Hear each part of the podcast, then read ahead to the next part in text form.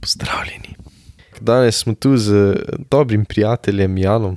Verjetno se ga nekateri vsaj spomnite, no skupaj smo kar nekaj časa uh, debatirali o NBA, o futbalu, tudi na tem podkastu smo že, kako rekla, zdravo. Dan, zdravo. Kakšno je počutje? Kar v redu, kar v redu. V pričakovanju nove sezone lige NBA, ki je zelo, zelo blizu. Ja, za tiste, ki to poslušate, verjetno še nekaj ur oddaljena sezona. Vse divizije smo pregledali, tako da jaz mislim, da vsaj eh, tiste osnovne informacije, kar se tiče vstopa v ligo NBA, bi mogli imeti, mi dva smo pa tu danes, da kako rečemo še na tisto zadnjo divizijo. Divizijo, ki verjamem, da vas je večina najbolj čakala, ravno zato sem jo pustil na koncu. Um, bo pa to seveda epizoda, kjer uh, bova rekla, kako bedarijo, mogoče povedala vmes tudi kaj pametnega, definitivno se bomo pa imela fajn. Zdaj pa te vprašam, včasih je bilo tole kar redno, prej smo se menila. Da je skoraj tako nostalgično, si prišel tu s speciklom do mene, snemamo podcast, kaj treme. Ne, treme pa ni nič. Sej. To je kot v domačem okolju, sem mikrofon mi je bil tudi domač. Pa, mislim, ni, ni treme, no, v glavnem. Je kar, kar zabavno to le spet delati. Jel, Ja, res je. absolutno. Sam zdaj sem s profesionalcem, ne? takrat, če ti nisi bil profesionalc. Ja. Zdaj pa tukaj le že vaje naredil za uh, govorne vaje no, na najboljšem radiju Slovenije. Tako Da, tu pa je malo treme, no, da, da ne bom uh, tvojih pričakovanj izpolnil, ki so zdaj vedno više. Ja, verjetno. Mislim, da, po mojem, jaz upam, no, da ljudje iz radia tega ne poslušajo, zaradi tega, ker po mojem bi mi eh, pridobljeno licenco hitro vzeli. Ja, Ampak, ja, danes, torej, malo drugačna epizoda, pa meni tudi vsake tok cajt malo sede, eh, da ni tiste neke vnaprej priprave, pa pogovarjanja sam s sabo.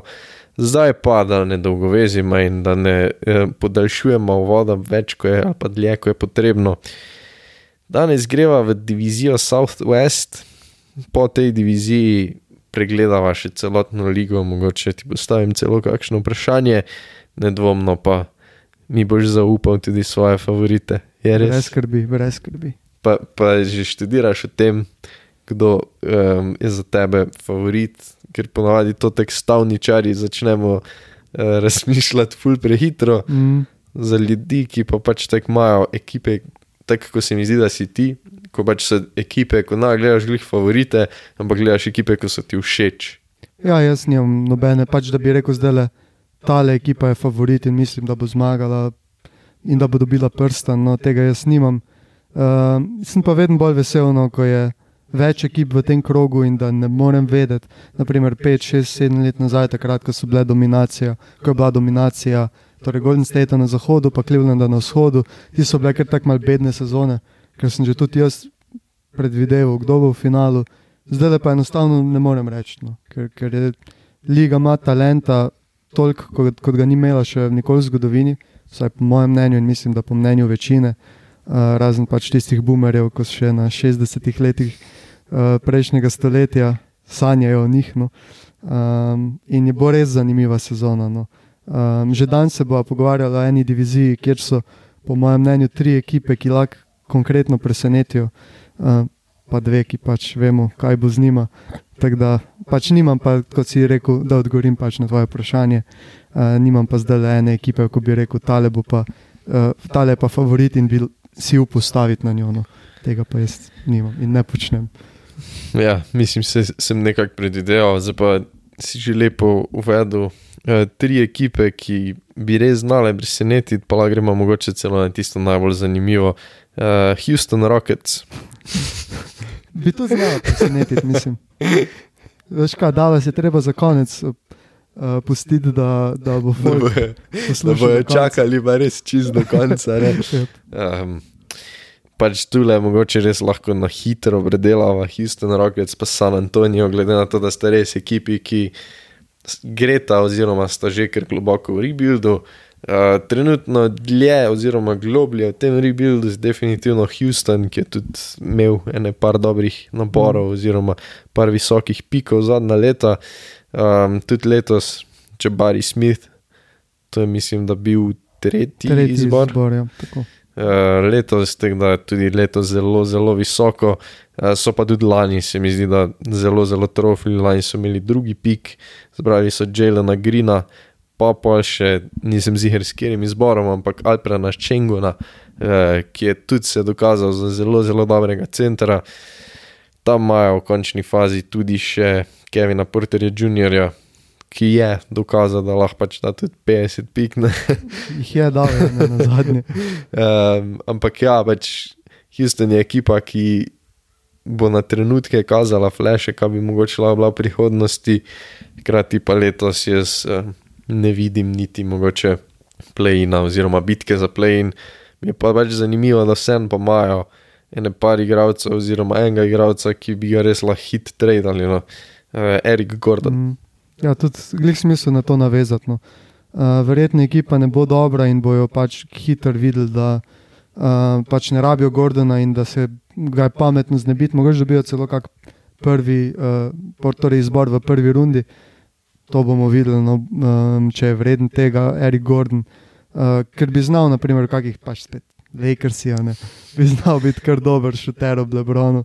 Um, Ma pa ekipa pač um, je tako zelo zanimiva, zelo um, tudi všečna. Vsaj, mislim, Kevin Porter ni glih všečen, zdaj smo videli, kak je šel iz Clevelanda. Ampak na igrišču pa je kar kul cool in uh, bi znala biti čez ene pet let tam. Mislim, pri Houstonu nikoli ne veš, ampak um, pa glede na pač talent v, na zahodni konferenci, tudi ne. Ampak bi znala kar mešati trene. Tam enem peto mesto, šesto mesto, bomo pa videli. No. Za letos pa jaz predvidevam, da bojo, ne bojo najslabši v ligi, definitivno bojo pa po mojem tam en šesti najslabši, sedmi najslabši. To tako predvidevam, da je to Ja. njihov ceiling skoraj. da. Ne vidim, da bi se borili za play-in. Ja, tam nekje. Pa mogoče tudi celo so. Mislim, ne vem zdaj, kako bi to rekel, da so ga dobili visoko, ampak Jabari Smith je bil zelo, zelo dolgo, mislim, da celo do zadnjega dneva uh, je bil rejtan kot prvi pik. Mm. Nekako se je vedelo, da torej bo um, Oklahoma, če bo mogoče zbrala Četa Holmgrena, ker so pač rabili tak tip igralca. Um, ampak tu je bilo zelo, zelo veliko odprto, no, vsaj pri prvih treh pikih, noben ni glih vedel, uh, kdo bo šel prvi, drugi in tretji. Čabari, torej kot tretji pol v Houstonu, kar je zelo, zelo dober, v bistvu tretji pik. No, tako da um, smo gledali tudi preteklosti, pa tudi preteklih letih, že drefte, ko je v bistvu res tisti prvi izbor, dobiš vrhunskega igralca, lahko pač v bistvu all-NBA talent, Mm. pa pa že z drugim izborom ali pa vsaj s tretjim, pa res tisti nek padec. No, um, tako da tudi letos na dreftu se mi zdi, da kljub temu, da so imeli tretji pik, ko včasih ni glih. Neka baš, se mi zdi, da se mi kar poklopilo. No. Ampak se mi zdi, da je tudi bilo dobro za njih, da so imeli tretji pik. Uh, zato, ker pač Prvega bi botlali. Evo, vse glih, glih za to. Mislim, zdaj, eh, če, je, če bo Jabari Smith slab, oziroma ne bo izpolnil pričakovanj, pač ok, whatever. ne. Če bi pa zbrali ga kot prvega in ne bi izpolnil pričakovanj, in bi bila Chad Holmgren in, in Paolo Bankero zelo, zelo dobra, pač bi pa vsi govorili o tem. In zdaj pa prav, pač imaš tri igralce, ki so pač glavni trije v svojem draftu.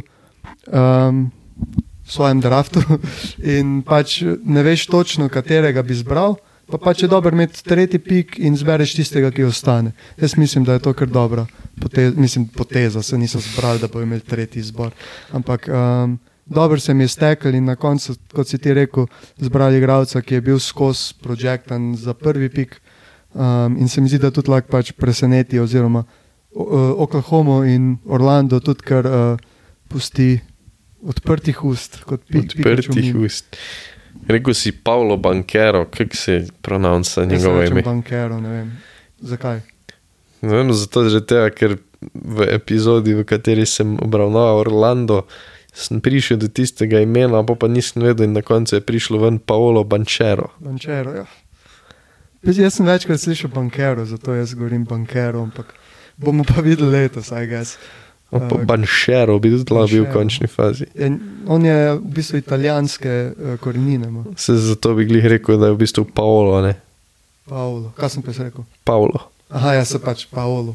Paolo. Kakorkoli, bankero. Ja, gle, Kelini je s kajem, ne? Zdaj pa to bomo pa videli čez sezono. no. Ko se bo enkrat komentatorji. Se ne bojo povedali prav po Ja. moje. Ja, Ja, to, da je Dončik, še vedno kdaj Dončik. enkrat je Dončik, drugič je pa Donkič. Ja, Um, ampak ja, no, Houston bo ekipa, ki bo zanimiva za pogled z te neke mladostniške, pa uh, že najstniške v bistvu energije, ampak nič od njih ne pričakujemo. Verjetno pa še manj pričakujemo od San Antonija. San Antonijo je sicer po eni strani popucal kader, ja. torej edinega igralca, ki je dejansko bil nekaj vreden, so tradili in tradili so ga za tri first round pike, torej Dežante Mr je šel v Hawkse. Not Zanimiva bad. poteza. Yes. Pač, dobili so ful velik za njega. ne. Um, bomo pa videli, če bo Atlantu, v Atlanti deloval s Trem Youngom, ampak to si verjetno tako že obdelal. Yeah. Um, ampak za San Antonijo pa je ta rebuild, pa da dobiš tri first round pike, to je svetovno. ne. Um, Meni se je lani ful dopadlo, se veš, da že on te meri, letos kar je pa poleti delo, pa boljš, da pač je stran od tega San Antonija. Mislim, da je pač karakter tak, ki ne sodi tja. No. Ja, pa bi ga tik zadrotal, po mojem, Ja. na prvem praktisu. Ampak nikoli mi ni deloval tako, pač vedno On mi je bil bil tako ful, da, ja, umirjen. Tu pa zdaj kar šupak, če vidiš, Ja, pa z žogo po glavi Zabije. nasprotnikov, Brez pa- veze. Paolom, bankerom, banšerom, kakorkoli je tudi imel en bif, Ja. ki ga bo zanimivo videti, glede na to, da igrata v isti diviziji. Se bo to pomerilo kar štirikrat. Um, ampak ja, pač zdaj tu gledam in letim skozi roster. Pač Sej imajo, imajo, bom rekel, trade pise, kar, kar še vedno lahko dobijo, pa grejo res ta, pri, pač naprimer, peltla imajo. Ko je, Je je pač, res. mislim, lahko dobijo mogoče kakega second rounderja, mogoče first rounderja, vse je dobro obrambno. Vse dobro, po- Ampak jaz ne razumem, zakaj bi sploh kaj tredali, ker so itak najslabša ekipa v ligi po, po ros, rosterju. Um, in pač po mojem je bolj, da ne vem, razen če res hočejo igrati z igralci, ki ne bojo pol nikoli več v ligi celo leto, samo zato, da imajo naj, največ šans, pa še to nimajo potem največ šans, ker imajo tri ekipe enako šans za Viktorja v Mbenjamu. Uebanjama. Uh, in se mi zdi, da pač malo pointless, da tredajo te igralce, uh, ki pa bodo imeli verjetno statistično izjemne sezone. ne. Ja, si to glih pravim. Ne mislim, zdaj, ne mislim zdaj, da bi oni tradili te igralce, zato da bi oni bili boljši, ampak Ne, ne, zato, itak, da bi, da bi ja, pač v bistvu razbili do točke, da probajo čim več esetov dobiti. Pa prav, mislim, ker pa na primer, da dobiš te tega v embanjamo, pa da se ne zlomi, glede na to, da Mm. vse se mi zdi, da njegovo telo ni ravno NBA redi za enkrat. No. Um, čeprav pač je glih to njegovo telo tiskamo, mogoče biti tako fucking dober.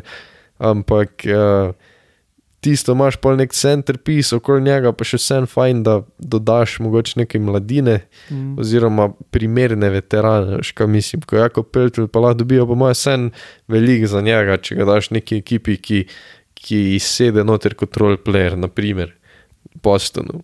Ko pač imajo zdaj spet probleme s centri, oziroma Mm. naenkrat imajo spet sam Ela Horforda. Ne?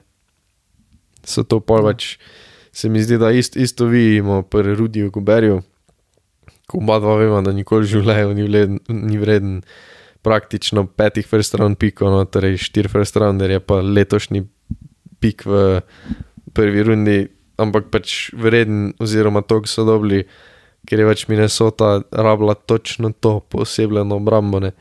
In veš, to so pač poli igravci, ko mogoče lahko dobiš več za njih, zaradi tega, ker pač bo eni ekipi futbol pomemben, kot je mogoče tebi. Ja, vse je res, ampak pač first round, torej izbori na naborih so vredni le nek, pač, koliko so vredni. Pač ti ne moreš z izbori zapolniti peterke. ne. In se mi zdi, da so kar mal preveč uh, precenjeni postali. Um, še posebej zelo po tradu od Rudija Goberja. Um, in pač, naprimer, če drugo leto dobijo Viktorja v Benjamu, bo potem igral s kar enimi štirimi igralci, kar tudi po mojem ne bo za njega dobro. Če pa imaš še Peltla, vsaj, ali pa Kelna Johnsona ob njem, pa so to vsaj neke izkušnje, ki bi jih um, in pač dobri igralci, ki bi lahko dopolnili to peterko, pa bi mogoče celo bili dobri. Um, zato se mi zdi mal, mal brez veze, glede na to, da itak imajo kar veliko teh izborov, ne toliko kot Utah in uh, kdo še ima Oklahoma, ampak neki pa jih je. Zato mi je tako, da bi še vedno, torej, če dobijo Viktorja, je pač to to, se mi zdi, da lahko grejo kar zmagovati. Mm. Um, ampak Pa ja, no, ampak si pač Keldon Johnson, na primer, podaljšal. Ja, to vem, ampak vseeno, ne. Še nikoli ne veš v NBA. Ja, to je res. Hitro Ampak ja, no. Mislim, da sploh ne vem, kaj bi še se gledam. Jo Devin Josh je- Richardson. Pa meni je Devin vesel dober in znam imeti ja. dobro sezono letos. Ja, mislim, ampak tudi je majster, ko capa, ne, veš, in pa tudi mogoče ni košarkar, ki bi lahko sam Uh -huh. imel dobro Ja. sezono. Catch and shoot ball, Ja, torej pač tricaš, ne. ja. Um, Ma Treja Jonesa, njega sem jaz, oziroma še vedno, ga kar rejtam zaradi tega, ker mi je tak, ne vem zakaj, ampak meni tako sliči na tistega Rikija Rubija. Mm. Ja, tak tisti res pure point guard, no. Ampak ja, več uh, San Antonijo ima roster, ki ne more parirati ostalim, ostalim v ligi ja. NBA, tako da tudi ne vem, zakaj bi ga mi dva primerjala z Mislim, da ostalimi. čist preveč časa izgubili na sami to. Exactly to bom mogel na koncu editati, da bo zgledalo, da je full mine. In zapridemo pa na tri ekipe, ki bojo, so, pa mogoče lahko še napredujejo, imajo vsaka v bistvu enega res, res fukjenega posameznika. Pol pa je v bistvu ena ekipa, pri kateri je ta fuken posameznik mal pod vprašanjem zaradi poškodb, ampak imajo pa tudi roster zelo, zelo dober. In jaz bi mogoče šel na New Orleans, uh Mhm. -huh. zaradi tega, ker pač meni se zdi, da bi Pelikansi lahko bili, če se pač torej vse sestavi v smislu, da se Zion ne poškoduje. Mislim, meni so dejansko dark horse za kontenderja. Jaz sem glih smisel reči, bi stavil, bi stavil na njih, zato ker verjetno je pač, kako se to reče, Kvota. kvota zelo visoka. Um, in se mi dejansko zdi, ja, da če je Zajon cel, torej če je zdrav, um, da bi znali, kot si ti rekel, biti eni izmed um, pač v, ož, v širšem krogu favoritov, ampak um, Zajona dejansko ne more zaustaviti noben. Vse to smo videli v njegovi drugi sezoni, koliko sezon je odigral? Dve, mislim. Da. To Lani je zdaj pač- torej, bo tretji, ne, Ja, to bo to bo četrta. Ampak lani ni nič igral. Lani ni nič Ne. igral, pa prvo sezono je manj kot pol. Ja, no, v drugi pa mislim, da je imel statistiko 28 točk, pa ne vem koliko skokov. Ja. Pač njega se dejansko ne da zaustaviti. In če verjetno bo imel kakšno omejitev minut od začetka, in pač če oni začnejo igrati, um, naprimer, da začnejo sezono full dobro, ga lahko potem še počivajo par tekem in ga pač pripravijo čist na končnico. Kjer pa se ga še nismo videli tam, ampak jaz predvidevam, da bi on bil igralec, ki ima tak tip igre, ki bi bil primeren tudi za končnico, sicer ne meče glih trojk, ampak uh, vseeno, da pač dobi žogo, vsak napad gre čez njega. Ja, po, poleg tega, pa kot si ti že omenil, to širino njihovega kadra, ki se mi tudi zelo dopade. Kaj še imajo Ingram, Valenčunas, CJ McCollum, uh, CJ McCollum, Herb Jones, Hrbja, Jose Alvarado. vse Alvarado, kako kak mu že rečejo, GT Alvarado. pa. To pa se ne spomnim, ampak Uh, ja, potem mislim, tale ruki, tudi Avstralc, Dyson Daniels, pa Larry Nance Jr. Larry Nance Jr., pač Kira Lewis je še en mlad igralec, ki je tudi dosti poškodovan in ima potencijala. Pač res bi lahko še verjetno naštevala, sicer ne bova, ker, ker nam imena uhajajo iz glav. Ampak Willy Hernan Gomez, Evo. Willy, MVP Eurobasket. Eurobasket. Devonte Graham Ja, pač je bil je špil za Most Improved. lej. v Šarlotu. Ja. Ja, Takrat je imel statistiko, statistiko tako kot 19 točk. pa trice je meto tako velik, stari. Ja, ampak je pa mal pač tak Isaiah Thomas, mali organi organizator igre, ki v obrambi ni neki baš. Torej, zdaj so naštela že ne štiri organizatorje. Meni men je res to, da, da če imaš, mislim, ja- jaz vse te franšize, ko gledam, ne. Meni gre, um, ko pridemo tudi do Dallasa, gre meni grozno na živce, kako pač je Dallas nesposobna franšiza. V smislu, da letos so se ojačali, Uh -huh. pa letos so provali nekaj pripeljati, pa levo, desno, ampak ne, pa, ne zastopim pa, da pač jaz vsem mislim, da je to franšiza, ki ima večji, um, večji mogoče nek pool možnosti, kar se free agency tiče, ker je vseeno velik trg, veliko mesto, ne, kot naprimer nek New Orleans. Mm -hmm. Ampak pač zdaj gledaš, ok, New Orleans je malo specifična situacija, ker so dobili nazaj paketek darilni od Božička, takrat, ko so Antonija Davisa ja. tradili, ne, se to se vsi zavedamo. Ampak vseeno gledaš, naprimer, Zajan je prišel, se smo rekli, v četrti sezoni, obkrožili so ga z dvema borderline all-star igralcem, torej CJ-om mm. McCollumom, ki je, ko je prišel nazaj, mislim, ko je prišel po tradu v New Orleans, je igral na all-star levelu, pa imamo Brendona Ingrama, ki je bil most improved player, pa je že bil tudi all-star, in pa imamo še pet role-playerjev, ki jih lahko daš v kjerkoli franšizo, kjerkoli ekipo v NBA-ju, pa dejansko lahko igrajo, pa dejansko lahko delajo. Pa Herb Jones, ma, rekla je, mislim, lani je majster igral v playoffih, ja. ne normalno, ne. Playoffih? Mislim, da so prišli playoffe lani. New Orleans. Meni se zdi, ali ne? ne? Ej, pozabil sem. Če hitro to pogledaj, ne govorim, bedari. Ne vem, ej, iskreno sem že pozabil, to je že pa tri mesece nazaj skoraj. Ja. So bili v playoffih. Proti Sansom. A, ok, ok. Proti Sansom, ja. Se spomniš, tisti, ki je hotel Alvarado, Kriso Pavlo, tako žogo spizditi, pa je pogledal, kot da dude, I invented this move. 36, 46 so imeli rekord in so bili v playoffih. Yes, it was a playing turnir moment. Tako, tako. Ampak ja, no, mislim, vse to pravim, glih. Pač majstri so bili lani brez svojega daleč najboljšega basketaša v playoffih.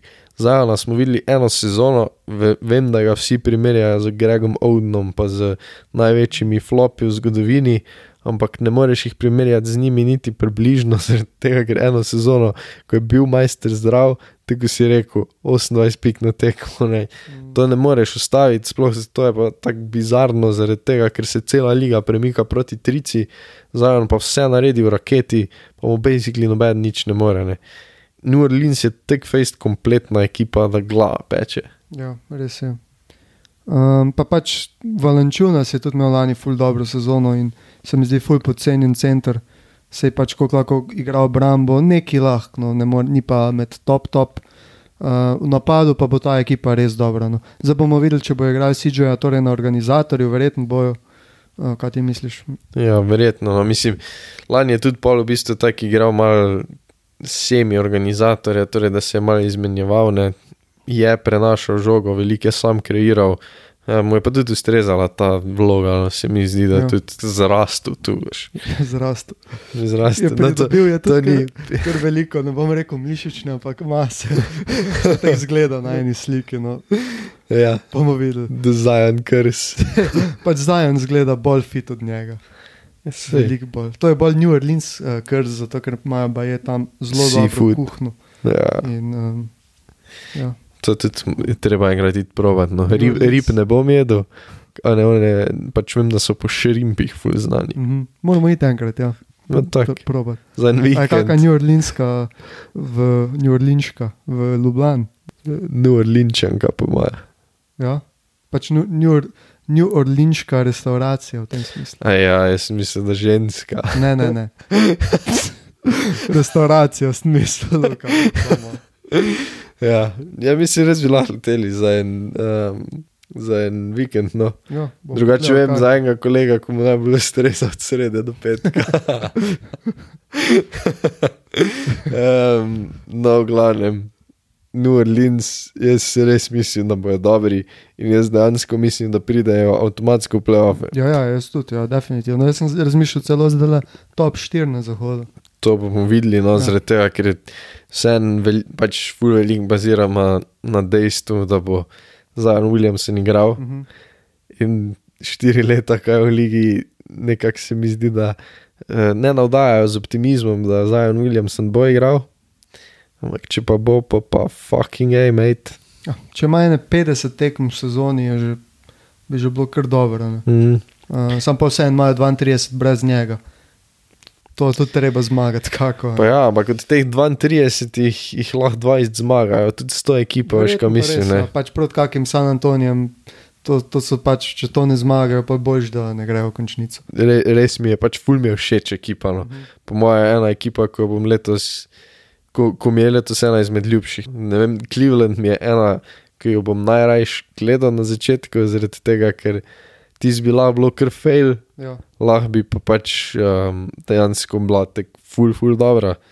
Ampak New Orleans pa mi bo res. Pa že to, da imajo 8 tekem, imajo proti Houstonu in San Antoniju. Pač vse te tri, tri ekipe, o katerih se meniva in se bovam pogovarjali. Uh, že to je velik tekem, to je desetina sezone. Mm. Jaz sem proti tema dvema ekipama, ki pač vse te tri ekipe pričakujemo, da bodo dobile, dobile 8 tekem proti njim. Pač mm. Bi bilo za njih perfektno, valjda. bi se skoraj Ja, moglo Bi zgoditi. se ne. skoraj mogli, ja. tako da že to je pol en plus za njih. Tako da, ja, no, mislim, imajo podelano in napad in obrambo. Ja. Um, tudi se mi zdi, da so se, omenil si Valančuni, se lani imel super sezono.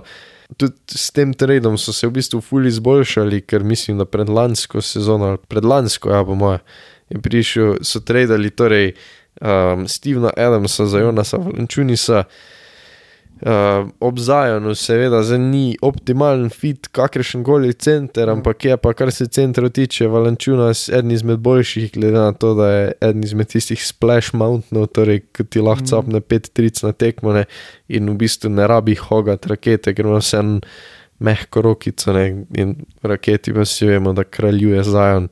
Um, Tako da, no, za obrambo pa in na branilskih položajih, Jose Alvarado Mm. kot na višjih, Herb Jones. Lani so se menili, da bi celo na all defensive team lahko prišel. Dejansko, ja. mislim, pač, no, nikoli ne bojo dali rukijo. Ne. Ti moraš imeti nekaj v NBA-ju, pa se dokazati že par let, da boš prišel tja. To je že skoraj taka nagrada, ki um, pač je malo pristranska. Longevity nagrada ja, že malo. Skoraj Ja. da, ja. Ampak javno, uh, New Orleans top 6, mislim, da se oba strinjava. Pa, pa Yep. pridemo do še ene franšize, ki lani so naredili veliki pok, Memphis Grizzlies. Letos jaz mogoče mislim, da ne bojo tako dobri, še vedno bojo zelo dobri, še vedno imajo super zvezdnika, Jamorant. Ampak vseeno pa mislim, da mogoče lani so malo um, posegli po vi- višjih mestih, ko bi jim jih jaz dal, no pa bo po mojem to ena taka podobno Atlanti s tistim Trejem Youngom, ko so prišli do konferenčnega finala, pa pa jih lani ni bilo nikjer. Misliš? Mislim, kak nikjer. To je playoff, vseeno, predvidevaš. Ja, Ja, ok, ok.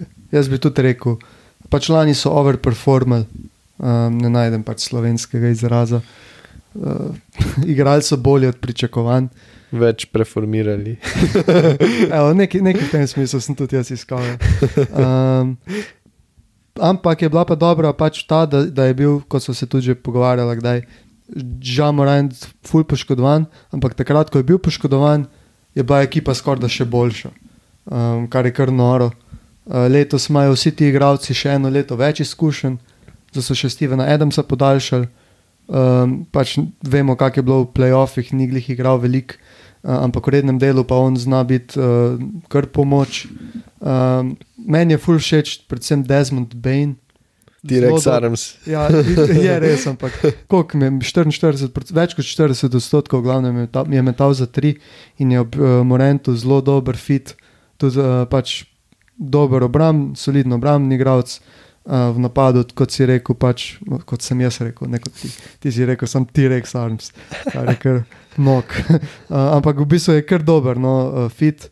Potem imajo pa pač podobno kot, um, kaj gledaš tako.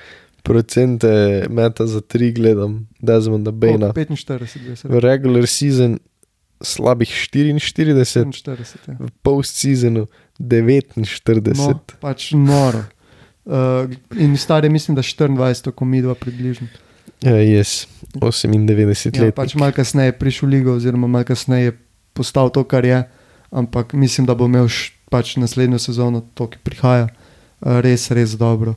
Uh, potem imaš pa itak še Brandon Clark, uh, Jaren Jackson Jr., ki je seveda poškodovan do kdaj, do novega leta skoraj. Tam nekje. Ja. To je tudi ena taka, ko lani je bil za mene dejansko eden izmed favoritov za obrambnega igralca mm. lige. Z njim obramba pač dejansko stoji, no, je v bistvu celo podoben vpliv kot Rudy Gober, s tem, da lahko še veliko več naredi, zaradi tega, ker lahko še vsaj malo perimetra krije. Ne. Uh -huh. Rudy Gober je v rednem delu sezone, ko se v bistvu nekakšna sistemska obramba in sistemi igrajo, je Rudi Gumber pošast. Ja. V playoffih ga targetajo v smislu, da prevzemajo, ga potegnejo ven na trica, ker pač ga lahko daš rolat, ne. Ankle breakers in ni več tako efektiv, medtem ko Jaren Jackson Jr. v smislu za blokade, ampak tudi dosti gibljiv, dosti skočen. Vedno je imel malo problemov z neko zaletavostjo, s temi osebnimi napakami, ki pač so bile nepotrebne. No, vse časih moraš narediti faul, tudi pri takem košarkarju ni nič narobe, če ima 3-4 faule na tekmo v povprečju. Ja, ne pa, da Ampak ne tri, sme jih štiri imeti, pa, ja, ne pa da ima 4 faule po prvih 3 minutah, Ja. pa pač ne more igrati več celo tekmo. No, ampak, Mike Toby ali pa žiga Dimec skoraj. oh, ne, mi to to žalost, stari. Ja. Um, ampak ja, jaz, jaz mislim, da bo to se precej poznalo. Ni, ni zato res um, še naredil tistega preskoka, oziroma ni naredil pa dosegel tistih višav, kot smo jih mogoče pričakovali. Bil je to v bistvu Donkev draft, Mhm. mhm. mislim, da je bil najmlajši iz Dončičevega drafta. Pa so ga takrat ocenili celo za tistega najbolj talentiranega, oziroma igralca, ki trenutno ni najboljši igralec, ne pač se logično, ne, ni bil prvi izbran, ampak ki bi pa skozi kariero lahko največ dosegel. Um, Zaenkrat je dosegel samo zelo visoko število poškodb. No. Uh, Tako da pri takem telesu, pri takem okviru, ne, pa pri taki zgodovini, mogoče se že začneš spraševati, če uh, sploh lahko kdaj pride do točke, ko pač pa poškodb več ne bo. Mm. Um, ampak ja, načeloma pa tudi podobno kot New Orleans, no res širina kadra je tudi pri Memphisu kar dobra. Plus imajo še en, eno legendo, trikratnega prvaka, Denija Grina, uh, vse trikratni prvak. Ali pa dvakratni, se ne vem. Ne, Trikrat. San Antonijo, um, Toronto Lakers, ja. uh, ki sicer je poškodovan verjetno celo sezono. Ampak kot en veteran ob igrišču, če bo ob igrišču sploh kaj, Ne bo po mojem. um, bi pa znal biti kar dober. Uh, to, torej, z- mal te mladce um, tam sekira ob igrišču. Ja, pa bomo ima tudi Dilana Brooksa, ki je pa. Imajo Dan, Danja Grina in Evil Danja Grina. ja, basically. Brooks je pa zelo toplo hladen košarkar, no, v smislu, da je full cool, je, če ga imaš v svoji ekipi, zaradi tega, ker ti lahko naredi piko na i, pa takrat, ko mu vtrgamo, res trga. Ampak, ko imaš pa nekoga takega kot nosilca igre, kar vseeno mogoče malo je pri Memphisu, ni za tisti neko jedro, uh, je pa en pomembnejših košarkarjev, pa te lahko pač lastnoročno pokoplje s tem, ko bo vrgel 15 šutov, pa jih bo 14 vrgel bek, pa jih bo pa vrgel še dodatnih 10. Ne. Um, tako da jaz tudi mislim, ful zaupam trenerju, Taylor Jenkins se mi zdi, da je res dober. Uh, tudi je že dokazal, pomaga Tyvesa Jonesa, ki Brata. ja, brata Treja Jonesa, še enega Pure Point Guarda, uh, ki pa je v bistvu najbolj, tisti, mogoče celo en izmed boljših second point guardov, mm. ker jaz mislim, da bi v večini ekip lahko začenjal. Um, je pa izjemno tak, da, tako smo rekli, no, da je malo zaskrbljujoče, da ko je Dža manjka, da so bili skoraj boljši včasih.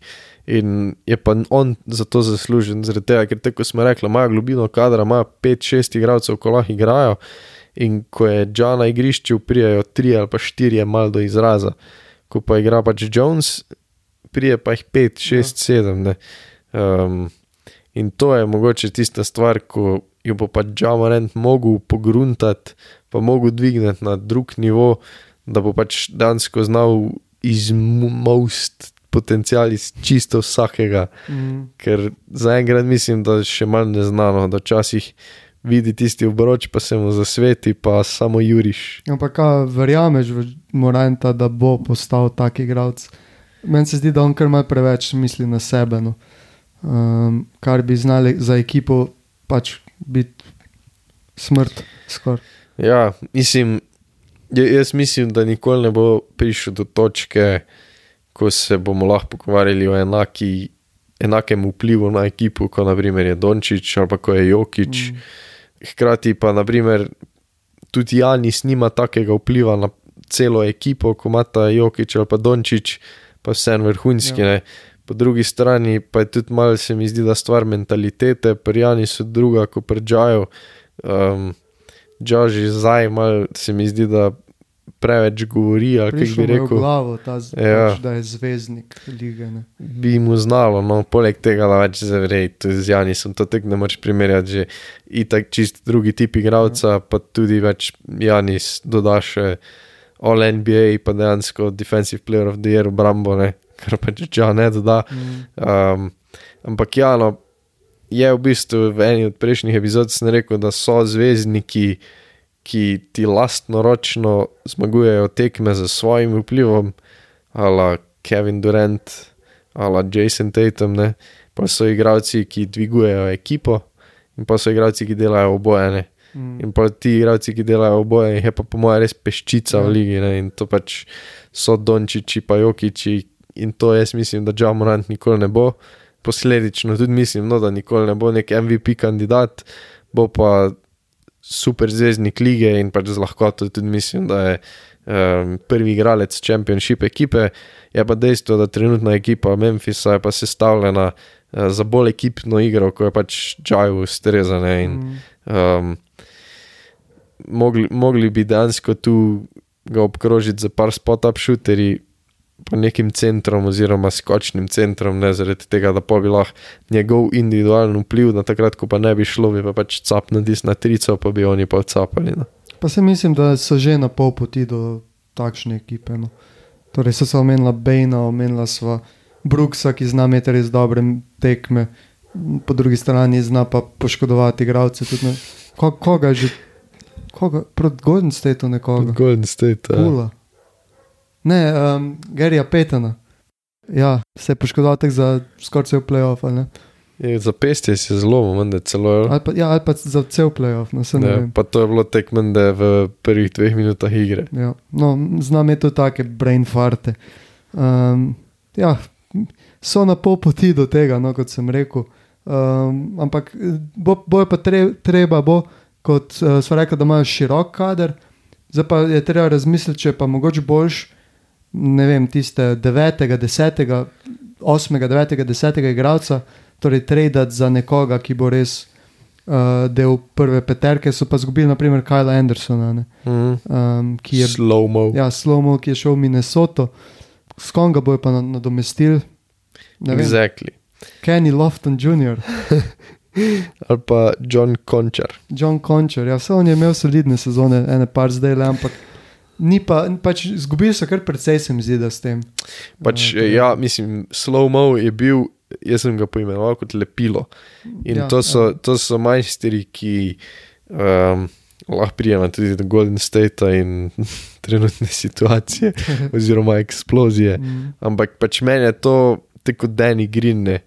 Da, kaj se nek Danny Green? ja, Draymond Green. sem ok, ok. Uh, tudi pač malo vredi, ampak Draymond Green je tisto lepilo v Golden Stateu. Čeprav ne bo imel nikoli takih statistik, pa nikoli ne bo tako spredil kot nek Steph Curry, pa nek Clay Thompson, ampak majster je razlog, da je Golden State deloval, oziroma da še deluje. Um, tako da so veliko izgubili Memphis v igralcev, ki pač ni sam po sebi tako Mm. neka ful dober, ampak kot sem že zdaj ful velikrat omenil, da pravi igravci v pravem sistemu so vredni več kot superzvezdnik Ja. v Brooklynu. Pa tole gledam tudi starosti, mislim, se postajajo ti igravci že kar izkušeni. Brandon Clark 26, uh, Tyus Jones 26, ampak potem imaš pa v bistvu nad 26, sta pa Steven Adams, ki je 29, pa torej Danny Green, ki je 35, ostalo je pa vse pod 26. Torej, to je tudi zanimivo. Pač, naprimer, Kyle Anderson, točno tak igralec, ki ima ogromno izkušenj in bo torej res manjko. No, to je moj point, ki ga hočem uh, narediti tule. In po mojem, lahko pričakujemo kak, uh, kak trade uh, Memphisa čez sezono. Mhm. Mogoče glih Harry Gordon, kaj pa veš. Ja, možno. No. Jaz mislim, da bi pol celo znali iti po kaj več, oziroma Celo mogoče. um, kako mal večji ime, da dejansko zapakirajo te tri, pa prepelajo. Tako sem rekel, borderline all pa Harrison all stari. Barnes, ki, je, ki bo po pol sezone hotel iti Sakramenta, ki bo spet za nič. Ne, Aaron Wiggins. Aaron ali Andrew. Andrew, ko mi je stari. Hotel, odločil sem se med Aaronom Gordonom in Andrew Wigginsom, ampak ja, no, uh, se mi zdi, da to bi znalo biti kar kul. Cool. Ja. Uh, je pa tako, pač jaz mislim, sen, da Memphis letos bo v play-inu, ne bo direktno v playoffih, medtem ko je lani bil celo mende drugi. Ja, ja, lani so. Um, in ja, no, mi, mislim, da lahko mogoče čakamo, oziroma pričakujemo malo upada, Mm. glede na lansko sezono. No. Ne, ne zdaj, da bi karkoli mogli oni napredovati, ali pa da bi mogli levo desno, ampak meni se zdi, da lanska sezona je tako malo nas overhypala, kar se Memphisa tiče, um, zdaj pa bo nekako se spustila nazaj na realna Ja, tla. ampak kaj misliš, da glih, glih kak Morant bi znal pač imeti kar, probleme s tem, da niso več tako dobri, kot so bili. Vsaj pač mislim, da bi znal biti kak problem znotraj ekipe, že celo pol, da bi pač začeli slabo, da bi začeli 20-20, naprimer. Um, in bi potem, ne vem, tako. mm, Ja, mislim, meni, je- meni Morant ful tak weird vibe oddaja. Ja, se v zato. smislu, v smislu, ampak se ne morem odločiti, ne morem reči, da, da ni lider, Mm. ampak ne morem pa se odločiti, koliko sam govori. Kaj mislim, zaradi tega, ker, ker pač imaš, imaš igralce, pač različni tipi liderjev so tudi v NBA-ju, ko se mi zdi, da je. Da eni ljudje so tisti lead by example, levo, Mhm. desno, ali Janis, pa so ljudje, ko so full vocal, pa imajo motivational speeche, kar je bil, naprimer, Garnet, pa kaj je Danny Draymond Green. Glisno, da reče, Draymond. Uh, pa imaš pa ljudi, ki se delajo, da so lideri, ala Karl Anthony Towns, Mm, pa pač ga dobesedno all talk, ja. je v bistvu sam soft, pridžajo pa še nisem ziger. Pač te njegove izjave, pa tviti, pa levo, desno mi grejo že vsake tok cajta hudo, hudo na živce. Ja. Zaradi tega, ker pač je sam bedno, pač nisi, nisi rabo nič reči. To, je- to je meni najbolj, da ko ljudi govorijo, takrat, ko se Lebron tudi pač kar nekaj govori, govori, govori, sem vsem se mi zdi, da se ne oglaša, takrat, ko pa nekaj ni treba. Ja. Veš, ja, se mi zdi, da se je začel oglašati takrat, ko pač ne bi bilo treba nič reči. No, in Mm. to je tisto, ko me kar začelo face motiti. Sej pač meni se ful ne dopade, zato mogoče imam tudi zato te pomisleke glede, um, glede tega. No, ampak sej na začetku, ko je prišel kot ruki, jaz sem bil ful. Je, jaz O, meni je bil so- tak všeč. Ja, ob, obema je bil ful še, zdaj pa so, se mi zdi, da so kar uh, mu obrnili hrbet. Ampak lej, se si je sam kriv. Backstabber, ja. Tako. Ja, meni je bil, meni je bil zaradi tega, ker mi je bil res tak. Uh, Mala reinkarnacija Derika Jones. Kako stari, Ja, zdaj se mi je pa- Rosea, ja, pa- ja, zdaj se mi je pa Iverson. res začelo blest, stari. Svojega najljubšega basketaša ne znam več. eh, Derrick Jones. Derek Jones Jr. Pa tako malo tudi Iverson v tem smislu. No. ja. Um, no, v bistvu zdaj je pokazal, da je bolj Iverson kot uh, Derrick Rose. Um, ampak se je Iverson tudi pač enkrat je prišel tisti finale, potem pa pač nič kaj več od njega. ne. Um, zato tudi predvidevam, da. Mislim, ampak ima pa žal veliko boljšo ekipo za sabo, kot pa je imel Iverson pri torej, Sixersih. Da, um, lej, lak, oni lahko končajo v finalu, lahko so dejansko celo prvaki, lahko pa tudi vidim, da pač grejo v play-in in potem tam celo zgubijo. ja, mislim, jaz jih letos kot prvake res ne vidim, ker je to kluken, ko pač se mi zdi, da tak, takoj, ko se pogovarjamo o stvareh. To se mora poklopiti, pa to se mora poklopiti, pa to se mora poklopiti.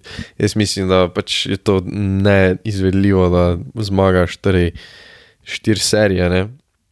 Je pa res, da ne vem, no, Dža je tudi tako malo, ko ne moramo gledati mimo teh njegovih poškodb, zaradi tega, ker pač ima ful velikrat neka, pa zaenkrat še ni šlo nič drastičnega. ne. To, to je drugače, naprimer, ko prezajano, ko dejansko je imel letno poškodbo, letno odsotnost.